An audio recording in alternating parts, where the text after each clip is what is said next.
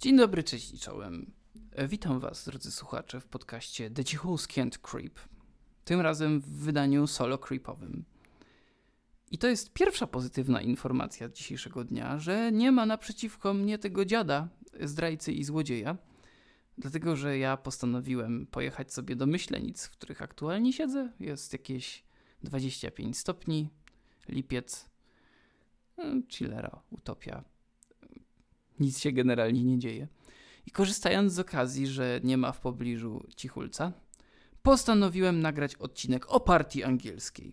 Będziemy dzisiaj rozmawiać o partii angielskiej i nie interesują mnie zdania ludzi, którzy też tworzą ten podcast, takich jak mm, na przykład Cichulski, że partia angielska jest nudna i nikt nie będzie o tym słuchał creep.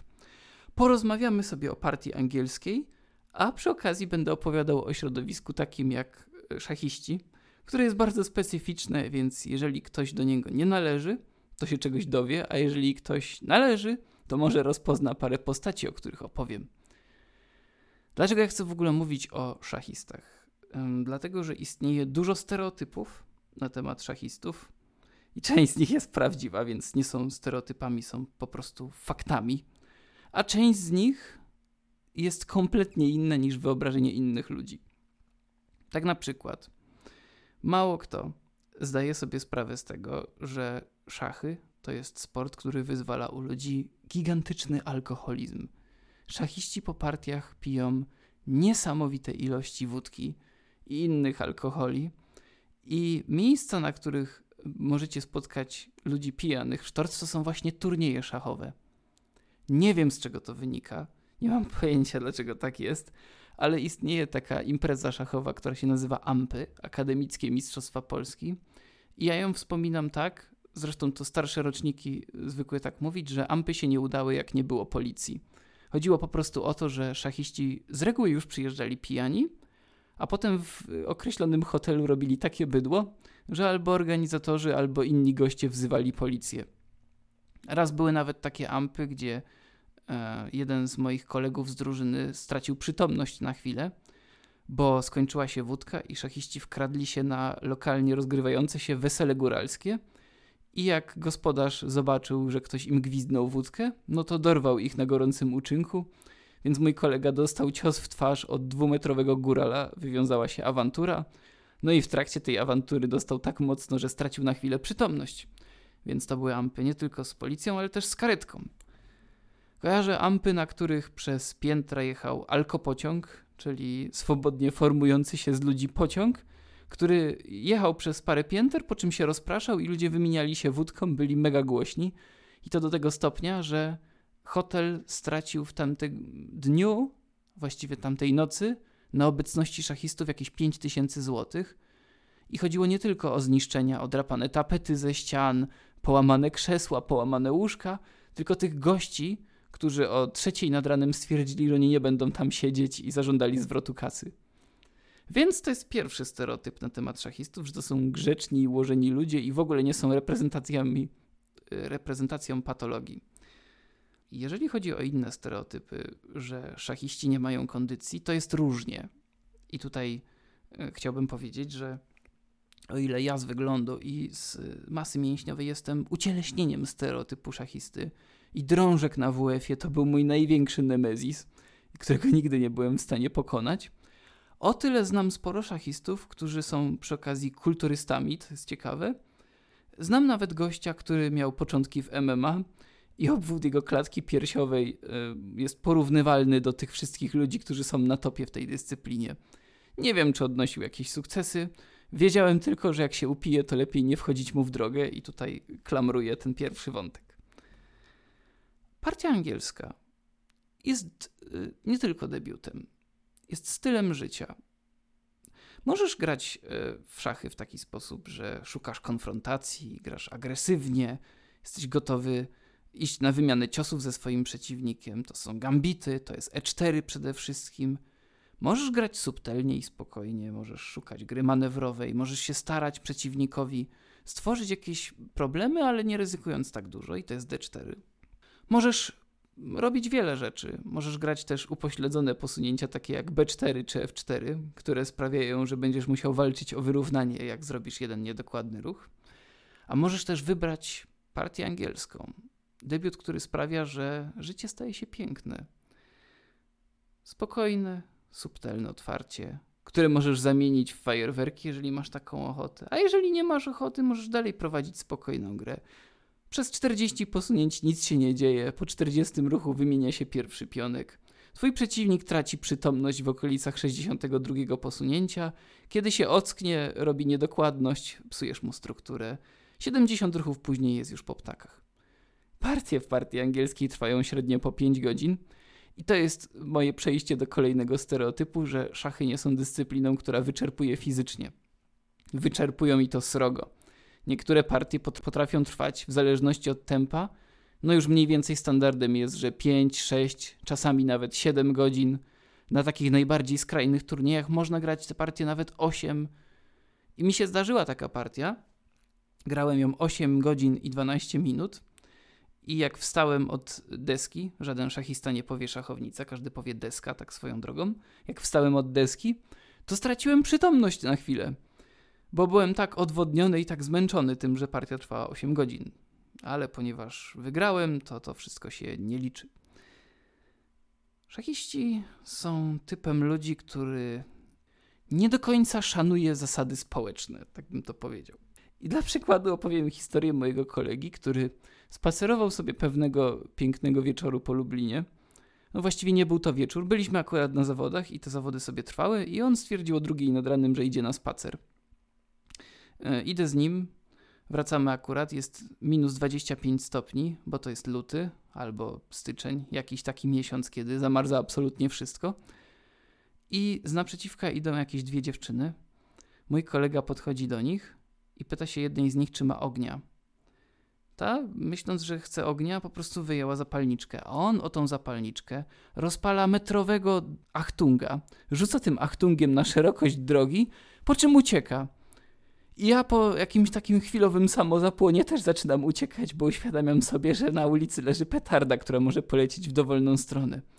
I ja go wtedy zgubiłem, bo on po prostu sobie gdzieś pobiegł hasać z tą petardą. I dowiedziałem się później od kierownika turnieju, że on był typem, który biegał po Lublinie przez całą noc i w randomowych miejscach rzucał petardy. Ja tego nie zauważyłem, a facet był ubrany jak Al-Kaida i biegał przez całą tą noc po Lublinie, rzucając petardy. Niewinni ludzie, którzy dali mu ognia, od tego momentu chodzą przez świat i zawsze jak pyta ich ktoś o ogień, to mają traumę psychiczną i ręka lekko im drży, jak dają ten ogień temu człowiekowi.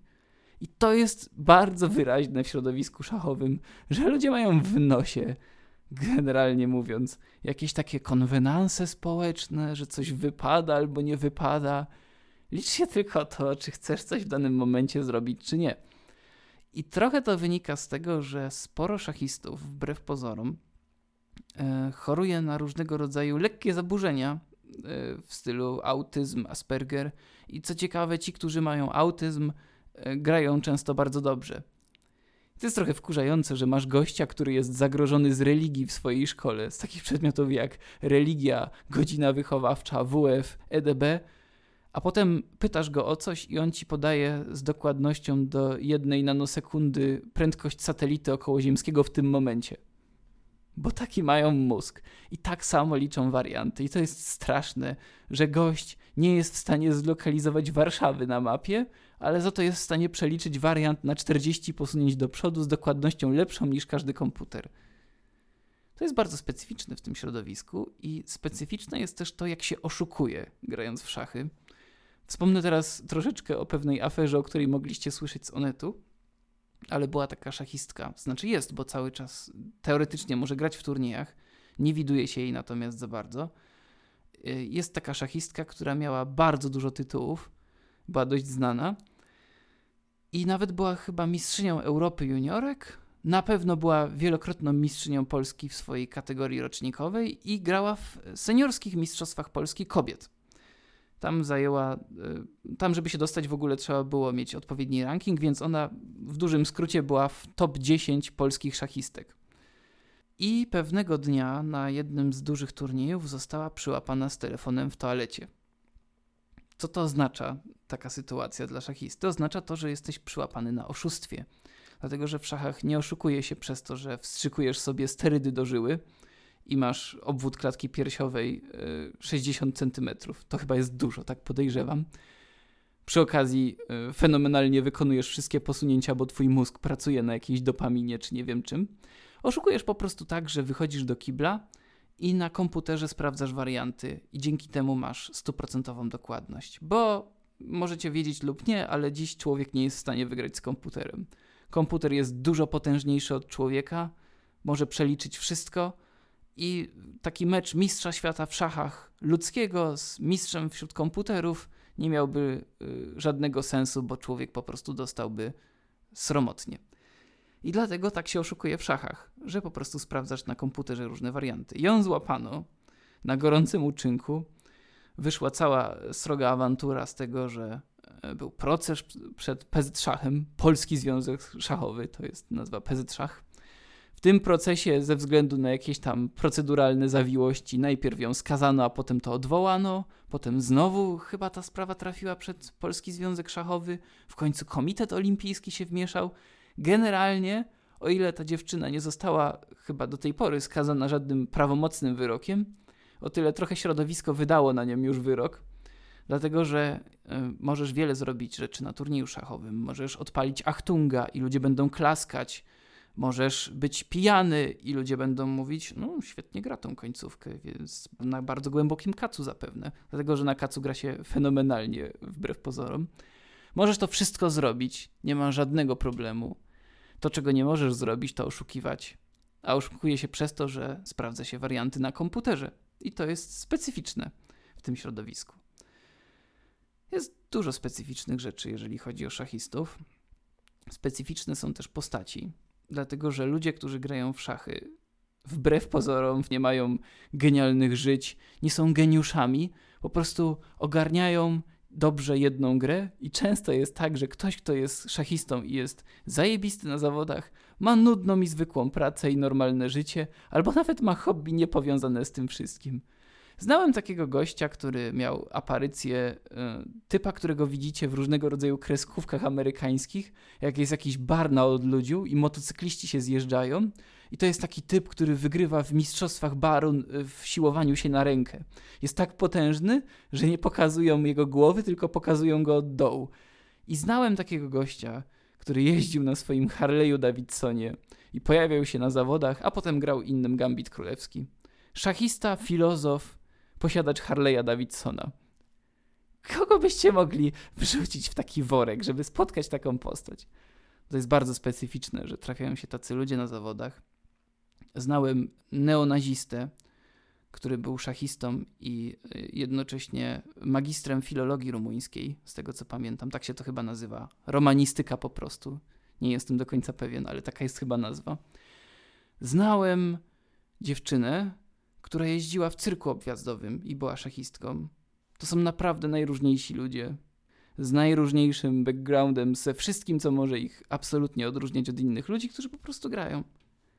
I tak się zdarzyło. To niekoniecznie jest tak, że jak grasz w szachy, to budujesz reaktor. Bo to też jest stereotyp. Kolejna rzecz, która jest specyficzna dla szachistów, to nie jest tak, że jeżeli jesteś szachistą, to automatycznie jesteś świetny w matematykę, fizykę, ścisłe przedmioty. I ja się o tym przekonałem, bo jak tylko wyszła informacja, że jestem szachistą w liceum, to nagle miałem przed sobą pielgrzymkę 60 osób, które chciały, żeby im rozwiązać zadanie z majcy. Na szczęście po pierwszej kartkówce wszystko się szybko wyjaśniło i nikt już więcej do mnie nie przychodził. Jak jesteś szachistą, to niekoniecznie musisz być dobry z majcy i nie jest powiedziane, że nie będziesz miał zagrożenia z EDB, tak jak mówiłem o tych ludziach. Partia angielska, jak wspomniałem, jest debiutem stanowiącym styl życia, ale warto mieć świadomość, że w zależności od tego, co odpowiedzą czarne, taki będzie charakter naszej gry. Mogą odpowiedzieć E5, mogą odpowiedzieć C5, mogą odpowiedzieć naprawdę najróżniejszym sposobem. Nawet posunięcie takie jak koń C6, B6, A6, to wszystko jest możliwe. To, co natomiast jest y, niemożliwe, to e, zachowania sędziów na zawodach szachowych w stosunku do tego, co czasami szachiści potrafią im pokazać. Pierwsze moje wspomnienie z profesjonalnego turnieju szachowego, takiego naprawdę profesjonalnego, gdzie czułem, że o, jest teraz jakieś miejsce, którym grają tacy naprawdę zawodowcy. To jest Krakowia, rok 2009. Krakowia to nazwa turnieju, nie tylko klubu. Wchodzę jako dzieciak do sali, w której grała grupa arcymistrzowska i widzę dwóch arcymistrzów, którzy mają sekundy na zegarze. Sekundy, a jeżeli przekroczysz czas w partii szachów, to przegrywasz. I oni na tych sekundach wykonywali posunięcia w ogromnie nerwowej atmosferze. Obaj byli wsparci o swoje krzesła. Siedzieli z rękami założonymi na głowę, liczyli te warianty. Napięta jak diabli atmosfera. Nagle jeden z nich nachylił się nad deską trochę mocniej i ten drugi stwierdził, że to mu przeszkadza. Więc wziął i palcem przesunął czoło tego drugiego do góry. Chwila ciszy, wszyscy na to patrzą. A rosyjski arcymistrz, którego głowę przesunięto, ze stoickim spokojem zatrzymuje zegar. Drugi już wie, co się święci, więc wstaje z krzesła. Tamten też wstaje. I po tym delikatnym i łagodnym zatrzymaniu zegara panowie zaczynają się napieprzać. Biją się, w taki sposób, że jeden z nich bierze krzesło i zaczyna układać drugiego, drugi rzuca się na niego, wszyscy na to patrzą, nikt nie reaguje. Dopiero sędzia, jeden, drugi i trzeci rozdzielają dwóch szachistów, którzy gotowi są zabić się i obu wpisują 0 do 0, czyli obaj mają zaliczoną przegraną, partia się kończy. Pomyślałem sobie, tak, to jest to, czemu warto poświęcić resztę swojego życia, e, resztę przynajmniej swojego czasu, jaki do tej pory poświęciłem, bo w szachy gram już jakieś 15 lat. To mnie zainspirowało. Byłem na turnieju, na którym jeden człowiek e, podłożył figurę, czyli niespecjalnie ją oddał. I jak się zorientował, że popełnił ten straszliwy błąd, to dostał zawału i umarł. Można też umrzeć na turnieju szachowym, jak się okazuje. Byłem na turnieju, na którym jednego z szachistów zgarnęła randomowo policja. Po prostu weszli na salę i bardzo długo się wykłócał. Nawet nie wiem, co on tak naprawdę przeskrobał, ale bardzo długo wykłócał się z nimi, żeby pozwolili mu dokończyć. I trochę mi go było żal, bo miał dwa pionki więcej, więc powinien był wygrać, ale niestety panowie policjanci nie uszanowali jego podejścia. Byłem na masie różnych dziwnych turniejów, w dziwnych sytuacjach. Byłem zakwaterowany w warunkach, o jakich ludziom się nie śniło. Warunkach tak fatalnych, że gdyby tylko Sanepid wiedział, że istnieje taki ośrodek, to owinąłby go taśmą, tak, że nie dałoby się go odkopać do tej pory. Byłem w ośrodku, w którym jak spuściłem wodę, to w sąsiednim domku ta woda przestawała działać.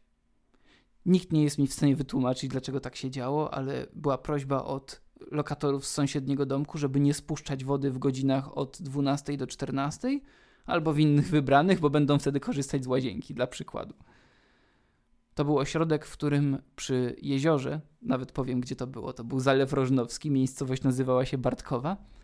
I jako dzieci pierwszy raz widzieliśmy malutkie morskie żyjątka, jeziorkowe żyjątka, konkretnie bakterie salmonelli, bo było ich tak dużo, że były widoczne z wody. I jedno z najbardziej traumatycznych wspomnień, jakie można mieć z takiego wyjazdu, to jest sytuacja, w której raz do tego zalewu wpadła nam piłka i mój kolega chciał ją wyciągnąć patykiem, jakoś tak z tej wody, ale żeby to zrobić, musiał się bardziej nachylić.